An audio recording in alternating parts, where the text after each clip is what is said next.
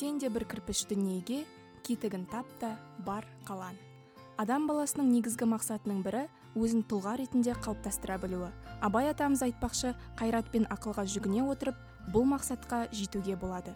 Біздің подкаст мектеп бітіргелі отырған жас буынға және университетке алғаш қадам басқан жастарға арналады.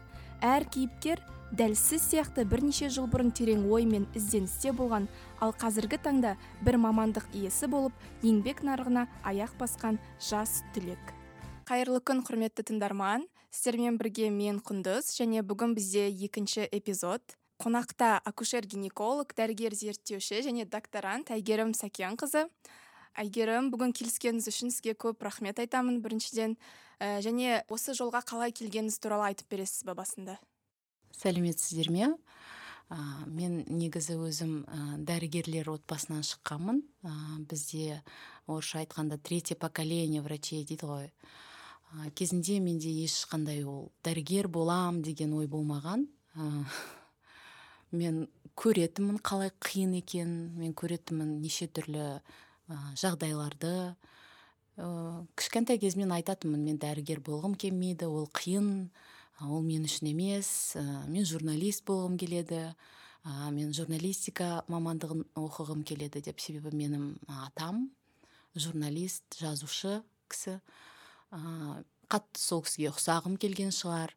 Ә, бір күні ә, үлкен оныншы сыныпта атаммен сөйлесіп отырған кезде ол маған айтқан ә, сен журналист болғың келсе ол оған оқу міндетті емес. Себебі ол бар нәрсе адамның қанында болады түбі өзі соған кішкене жақын болады.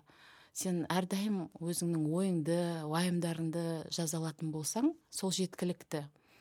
Ал дәрігер болу үшін ол үшін оқу керек.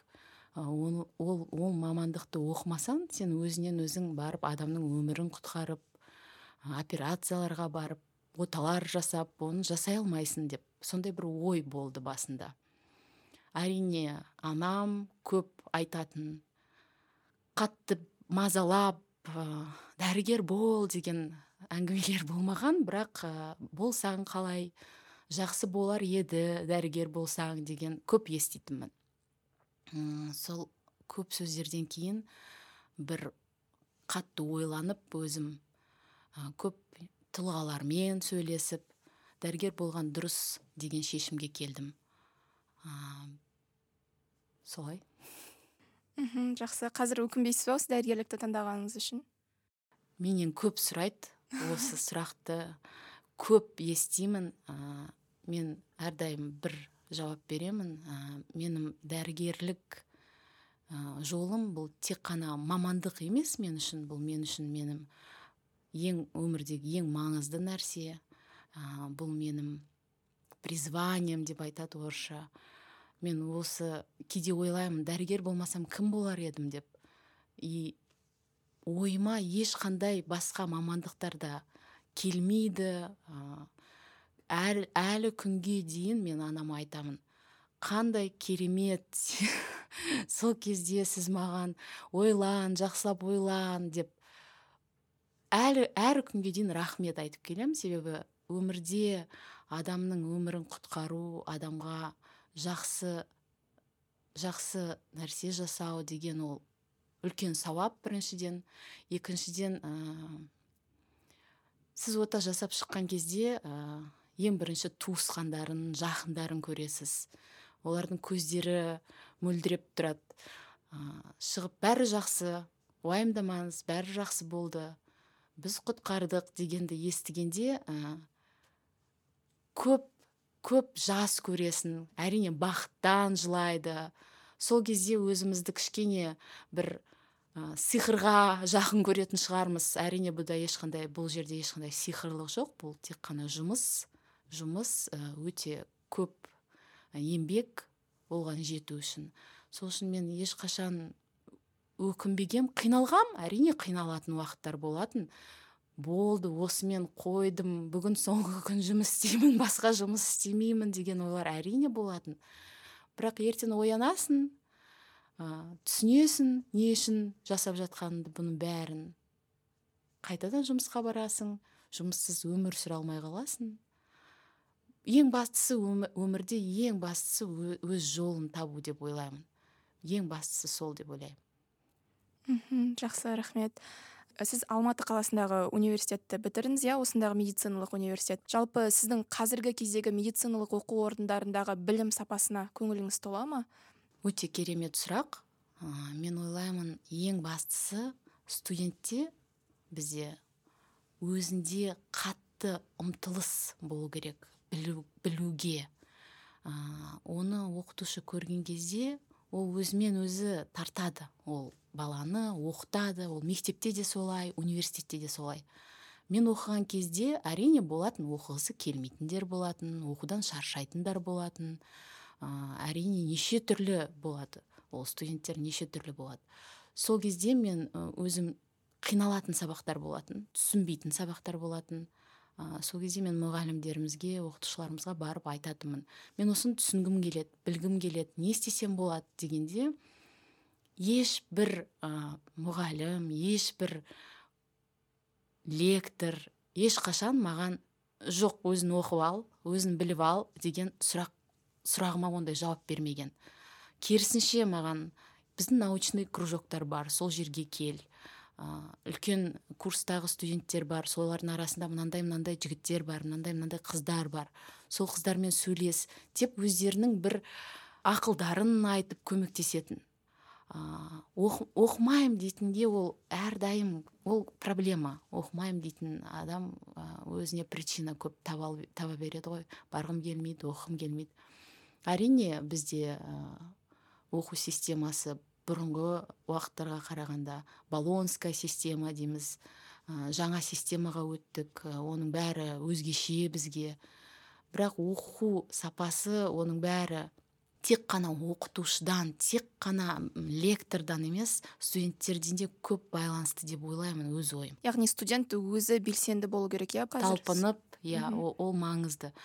Ә, бұл жерде медицина медицина болғасын көп нәрсені сен өзің оқып өзің біліп алу қиын. Сол үшін мұғалімдер де әрине көмек көрсету керек айту керек түсіндіру керек. Бізде мысалы анатомиядан ә, сабақтар болатын. Сол кезде бір сабақты бізге ә, біздің мұғаліміміз төрт сағат ертесіне тағы да айтып айта беретін. Ол көреді біз соны түсінбейміз. Түсінбеген студентті тұрғызып қойып давай сен айтасың сен айт деп айтқызатын. Ол өте бір мұғалім деген сабақ беру деген ол да бір дар дейміз ғой иә біз. Сондай бір дар ғой адамның бір жолы ол өмірдегі жолы тура қалай біз мұғалім жолы ә, дәрігер жолы дегендей ол да бір жақсы көріп істейтін жұмыс қой. Жаңағы сол оқу барысын түсіндіріп өте аласыз ба? Жаңа бес жылға дейін сіздер жалпы медицинаны оқисыздар иә? Ә, содан кейін ғана барып өзіңіздің нақты салаңызды таңдайсыз ба? Қазір де дәл солай иә медициналық университеттерде? Мен оқуға 2006 жылы түскенмін. Ол кезде бізде орысша айтқанда лечебный факультет. Деп аталатын қазір общая медицина деп жалпы медицина деп аталады. Біз ол кезде совет советская дейді ғой енді бұрынғы системамен оқыдық. Алты жыл оқитынбыз. Сосын бір жыл интернатура болатын. Қазіргі біз диплом алып кәдімгі маман болып шығатынбыз. Акушер гинеколог хирург болып. Қазіргі система бойынша бес жыл оқиды. Екі жыл интернатура. Бірақ ә, акушер гинеколог ә, кардиохирург деген мамандықтарды жұмыс істегісі келетін студенттерге ол тағы да үш жыл резидентура оқу керек. Сонымен орташа айтқанда тоғыз он жыл оқиды. Мен өзім жетінші курсты бітіргенде интернатурадан кейін мен акушер гинеколог маманы болып шықтым. Бірақ мен үшін аз болды. Ә, мен тағы да оқығым келді. Өзі өзім үшін өзім білікті маман болу үшін мен резидентураға түстім. Үш жыл резидентура акушерство гинекологияны оқыдым. Ә, соның ішінде в том числе и детская деп жазылады бізде. Ә, мен тек қана үлкендер үлкен ересек ә, келіншектермен емес кішкентай қыздармен де жұмыс істейміз. Ол да үлкен бір опыт бізге ол да бір көп ә, көп нәрсе өзгереді. Себебі сіз интер, біз интернатурада бір ақ жыл болатынбыз. Ал ә, резидентурада үш жыл тек қана акушерствоны оқисыз. Сол үшін әрине бұл жерде тереңдеу болады маңызы да сапасы да жоғарылау болады деп өзім санаймын. Бірақ резидентурада оқыған кезде ол ә, сол уақытта да дәрігер ретінде жұмыс істей бастайды иә? Интернатурада да дәрігер болып жұмыс істейді. Врач интерн деп интерн дәрігері болады. Резидентурада врач резидент деп аталады. Бұл жерде ә, юридическая сторона деген бар иә? Интерндерде резиденттерде ә, пациенттерге юридическая ответственность деген жоқ оларда олар бір ә, жауапкершілік жоқ иә, иә заңды. жауапкершілігі жоқ заңды түрде олар үлкен өзінен білікті маманға беріледі. Сол маманмен бірге жүреді сол маманмен бірге үйренеді сол маманмен бірге өседі. Ә, сол маманға бүкіл жазуларын қағаздарын ем ем ә, қандай ем жазып жатқан тек қана курация арқылы жұмыс істейді. Ә, резидентураның дипломын алғаннан кейін өзі ары қарай жұмыс істеп өзі уже дәрігер ретінде жұмыс істеп өзі жауапкершілік алады өзіне. Бірақ ол кезде де ол дәрігер болып есептеледі. Қазақстанда жалпы медицинаға грант көп бөлінеді деп айтсақ болады. Өйткені биыл да жеті грант бөлініпті. Сіздің ойыңызша осы студенттердің шамамен қаншасы соңына дейін жетіп оны тәмамдайды? Және осы қаншалықты дұрыс жалпы осы система қалай ойлайсыз? Мен нақты статистиканы сізге қазір айта алмаймын. Қаншауы бітіріп қаншауы қайда барады мен өзімнің ә, менімен бірге бітірген сокурсниктеріммен бірге бір топта оқыған ә, достарыммен бірге айта аламын. Бізде группада 14 адам болды. 14 адамның төртеуі ә, фарм бизнеста мүлдем медицинада практикамен айналыспайды. Олардың ішінде әрине болды жұмыс істегісі келіп ә, жұмысқа барғысы келіп біраз уақыт ә, больницаларда жұмыс істегендер болды бірақ қиын болған шығар ә, бір жағынан ақша жетіспеген шығар нагрузка үлкен болады. Сол үшін олар фарм индустрияға кетті. Қалғандары кейбіреулер оқуды бітіре алмады олар мүлдем диплом ала алмағандар да болды. Қалғандары осы медицинада жұмыс істейді. Білікті мамандар болып жұмыс істейді. Өмірде айтады ғой ешқашан ешқашан деп айтпа.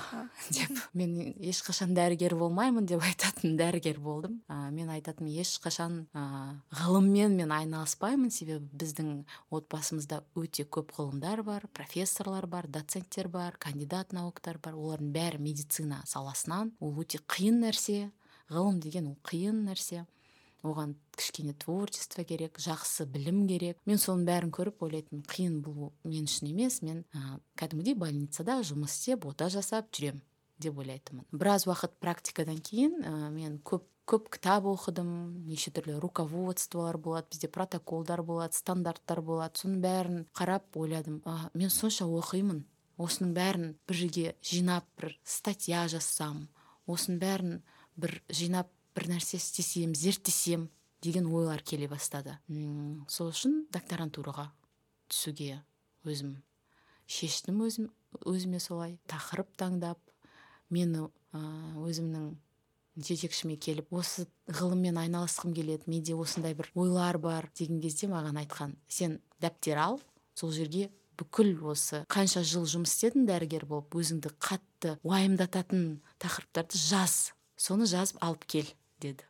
Мен жаздым соның ішінен бірнеше тақырыпты көрді. Осылар жақсы осы туралы мәлімет жинап келіп ары қарай шешеміз деді. Вот сол уақыттан бері мен ғылымға түгел кірісіп кеттім. Бірақ мен ғылымда бірінші күн емеспін. Мен бірінші курстың студенті кезімде научный кружоктарға қатысатынбыз статьялар жазатынбыз ә, публикациялар шығатын интернатурада жазатынбыз резидентурада жазатынбыз. Өз, өзіміз исследованиялар жасайтынбыз ал ә, үлкен наука дейді ғой бізде үлкен ғылымға мен осы докторантураға келіп келдім. Қазір қандай тақырыптарда зерттеулер жасайсыз? Бұл құпия емес деп үміттенемін жоқ ол құпия емес. Мен акушерия саласында зерттеу жасаймын. Дәл қазіргі тақырыбым бойынша ол жүкті әйелдермен ә, олардың ә, балалары туралы сол жағынан зерттейміз.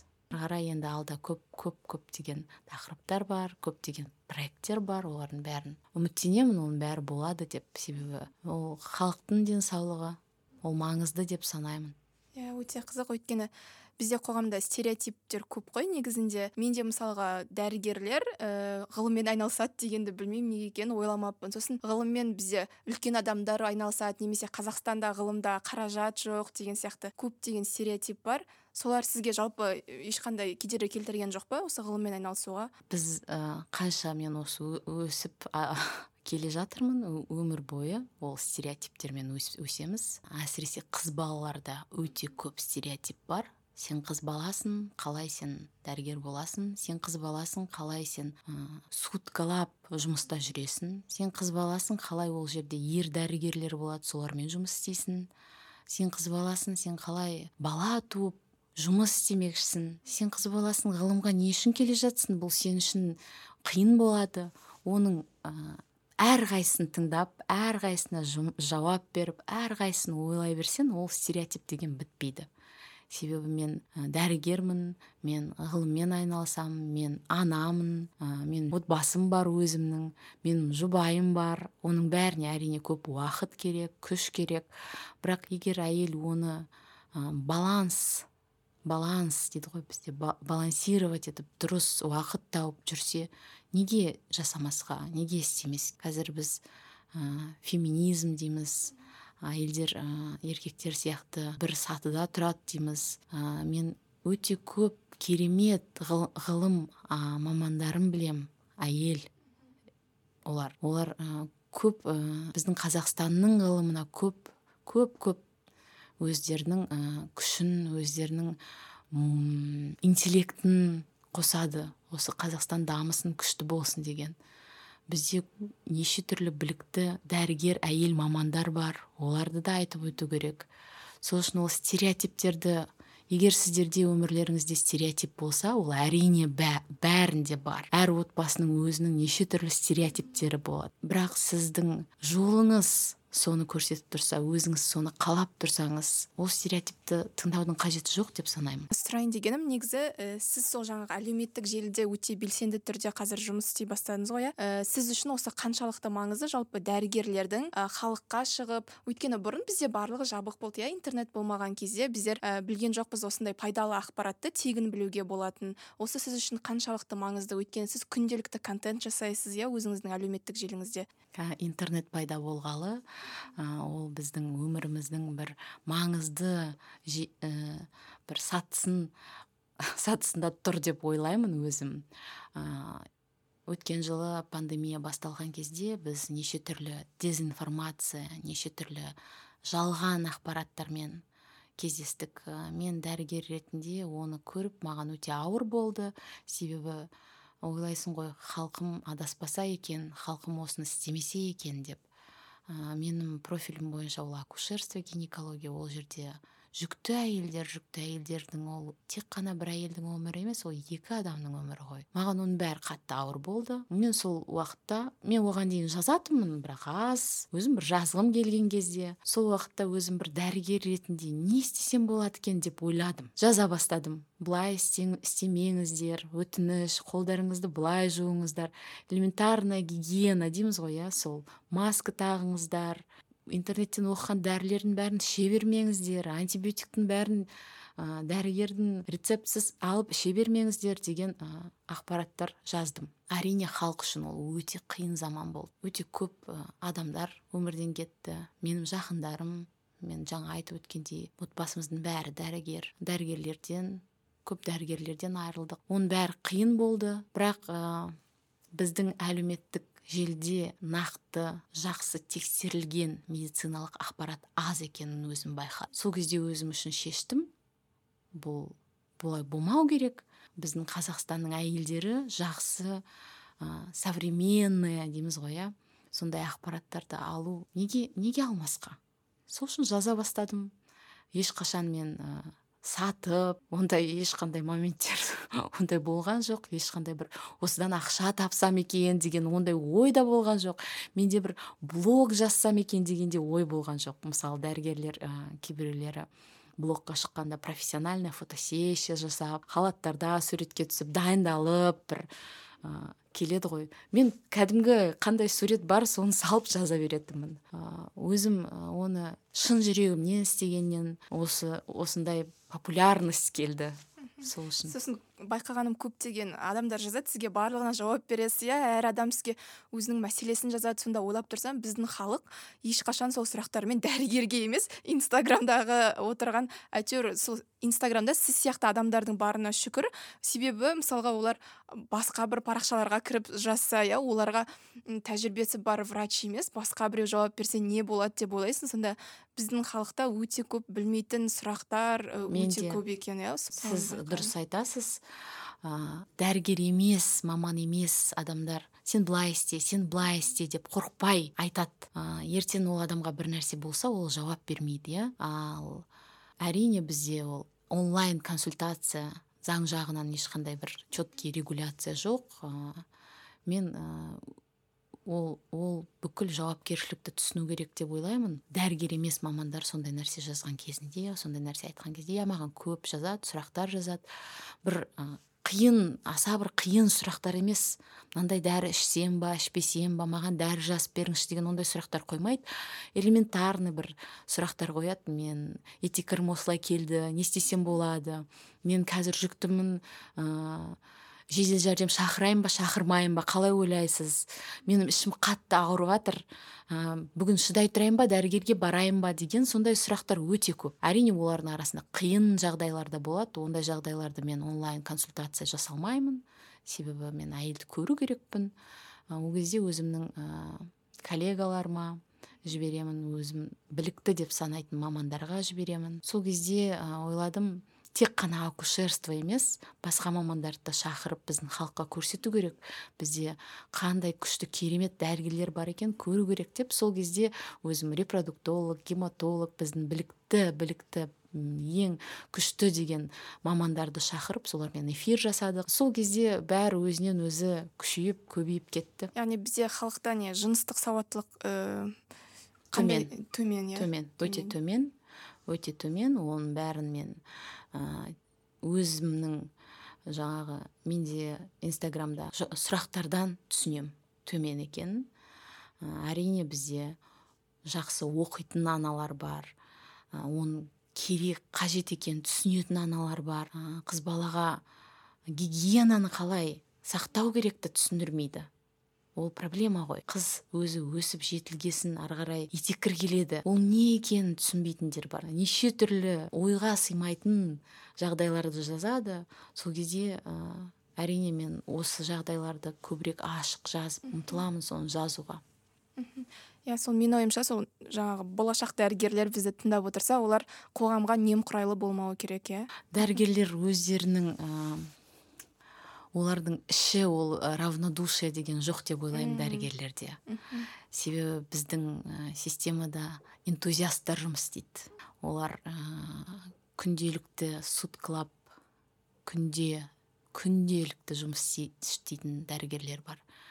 Ә, аз ақша қиын дегенге қарамай жұмыс істейтін дәрігерлер өте көп. Біздің ә, дәрігерлердің арасында энтузиасттар өздерінің жұмысын қатты сүйіп жұмыс істейтін адамдар көп.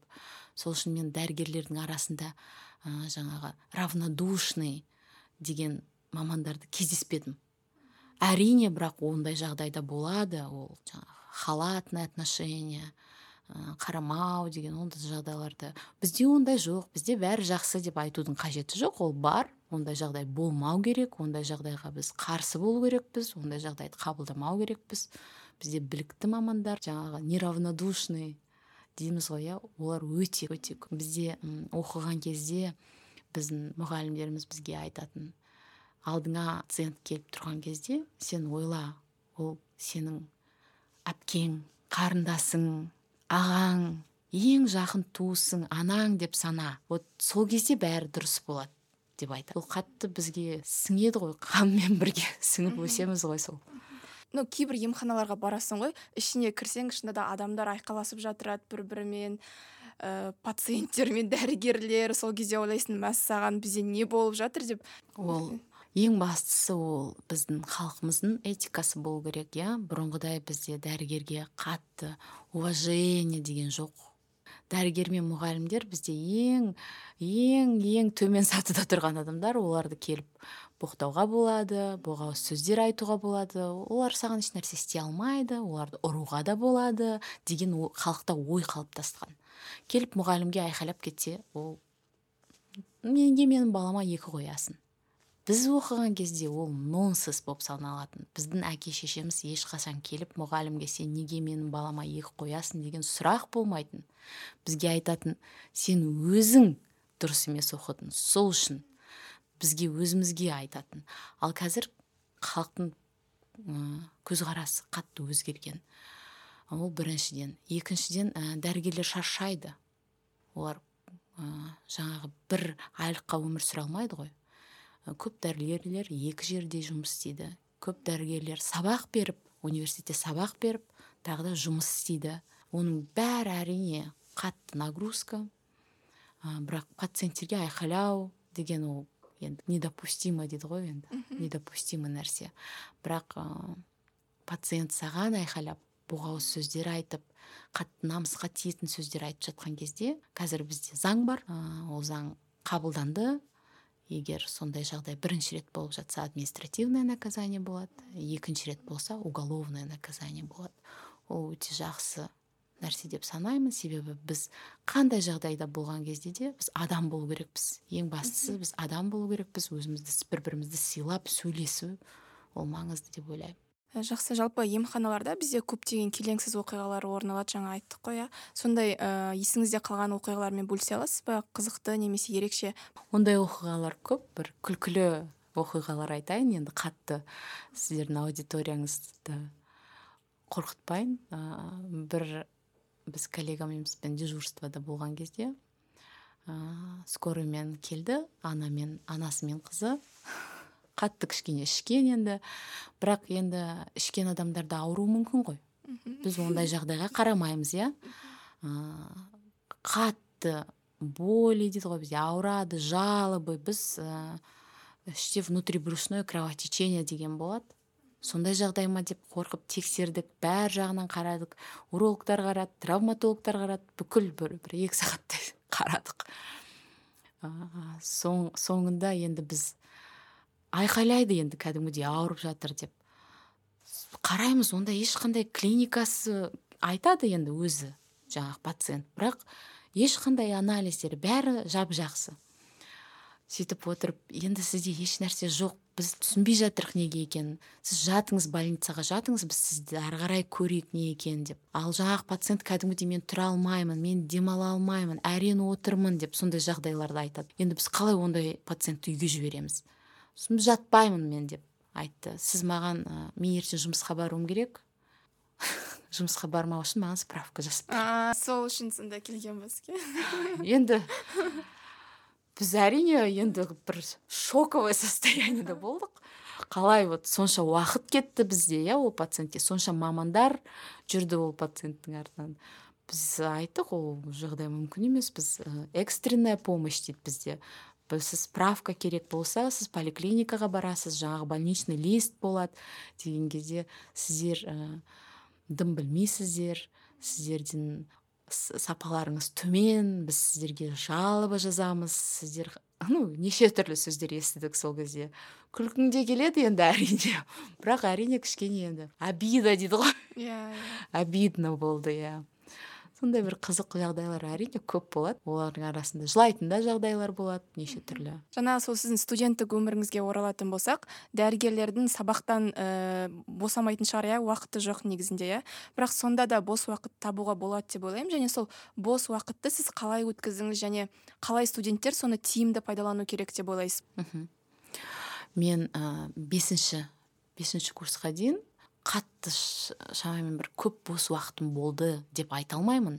Өзімнің одноклассниктермен бірге клубтарға барып кафеларға барып ә, уақыт болса да ә, шаршайтынбыз он бесінші курстан кейін кішкене өзімізді маман сезінгеннен кейін енді уверенно жүрдік қой. Ә, бірінші екінші үшінші курс ә, сабақ оқитынбыз қатты көп сабақ оқитынбыз. Себебі бізде базовый циклы деген түсінік болады физи физиология патофизиология анатомия гистология генетика деген сабақтар. Басталатын болатын ол бірінші курс екінші курс ары қарай қиындай беретін. Өте көп материал оқу керек. Ә, бізде кейбір кезде лекциялар сегізге дейін болатын. Он тоғыз елуде лекциядан шығатын уақыттарымыз болатын. Сол кезде біз енді алматыда тұрдық қой. Бізге автобусқа отырып жету ә, таксиге отырып жету деген аса қатты проблема болмайтын. Ал бізде талғардан келіп оқитын студенттер болатын ә, алматы облысынан. Ол соларға қиын болатын себебі олар сабақтан шығып өздерінің ә, жаңағы автобус жүретін точкасына шейін барған кез, барғанға дейін бір сағат ары қарай үйге жеткенше түн болады. Олар үйге жетіп сабақ оқимын дегенше таң атады. Олар таңғы бесте сабаққа шығу керек. Вот сондай моменттер конечно өте өте қиын болатын. Ә, уақыт уақыт жететін кезде мен ә, басында староста группа болдым. Сосын староста потока болдым. Бесінші курстан кейін бізде студенческое правительство дейді. Студенческое правительствода өзімнің курсымның представителі болып отыратынмын. Студенттерді уайымдайтын мазалайтын жағдайларды айтып соны шешуге тырысатынбыз. Одан басқа наука жаңағы научный кружоктарға қатысатынбыз. Проекттер жасайтынбыз сол студенттік өмірге байланысты. Жалпы белсенді студенттің өміріне ә, университеттің өміріне белсенді қатысуға тырысатынмын. Ә, қазіргі жағдайда да ол мүмкін деп ойлаймын. Бірінші курста мен немецкийға баратынмын. Неше түрлі неше түрлі сабақтар оқып. Яғни басқа мамандықта оқитын қарапайым студент сияқты белсенді студенттік өмірді өмір сүруге болады иә яғни? Иә болады егер сіз ә, жаңағы қалада тұрсаңыз ә, сіздің жаңағы қаражаттарыңыз болса иә ол үшін себеп мысалы кешкі сағат сегізге дейін сабақ оқып ары қарай тағы да бір кружокқа бару үшін сіз бір жерден тамақ жеу керексіз иә. Оны көшеден жейсіз. Ә, сондай моменттер өте көп қой енді. Бірақ иә болады бізде общежитиеда да жатып белсенді өмір өмірге ә, университет өміріне қатысатын студенттер көп болатын иә ол болады ол керемет нәрсе деп санаймын өзім. Себебі сол арқылы мен өзімнен жоғары курс өзімнен төмен курс студенттермен танысып әлі күнге дейін біз жақын дос болып отбасыларымыз бізде бар. Бүкіл отбасыларымызбен араласамыз. Сондай. Жақсы сізге рахмет. Көп көп. Негізінде біз соңына қарай келіп қалдық. Бірақ менде ә, блиц сауалнама бар. Мхм. Әр дәрігер оқуға тиісті бір кітап. Анатомия. Атлас анатомии анатомия. Мхм авторы кім оның авторы бар ма синельников болатын бізде атластың ә, қазақша атластың авторы академик алшынбай ракишев деген кісі болатын. Ә, университет қабырғасында әр студент жасауы керек бір әрекет. Ә, научный кружоктарға қатысу керек деп санаймын. Себебі сіз ә, түсінесіз ғылым деген не екенін. Ғылым қазақстанда медицинада бар екенін түсінесіз. Сосын ә, сол сізге ұнай ма керек нәрсе ма деп кішкене бір қалыптасады ойыңыз? Ә, әр дәрігердің бойында болу керек бір қасиет міндетті түрде. Біз көп айтамыз жұмысын жақсы көру керек деп та. Ә, бірақ мен ә, адам адамды жақсы көру керек деген санаймын. Әрбір дәрігер адамдарды адамды халықты жақсы көру керек. Себебі тек қана жұмысты жақсы көру ол қиын. А, сіз адамды сүйіп жалпы адамзатты жақсы көрсеңіз сізге оңай болады дәрігер болу деп ойлаймын. Мхм. Керемет күшті кеңес екен. Оныншы он бірінші сыныпта оқитын әйгерімге қандай кеңес берер едіңіз? Бәрі дұрыс. Бәрін дұрыс таңдап жатсың дұрыс жолда тұрсың ары қарай осы жолмен жүре бер. күшті. Ә, егер ә, сіздің осы 24 сағатыңызға қосымша тағы да төрт сағат беретін болса немен айналысар едіңіз?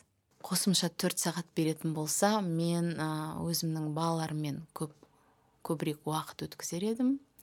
Ә, тағы да қосымша сағат көбірек болса мен өзімнің жаңағы волонтерство дейді ғой сол соған көбірек уақыт берер едім. Тағы да қосымша. Маған көп қосымша сағат керек негізінде.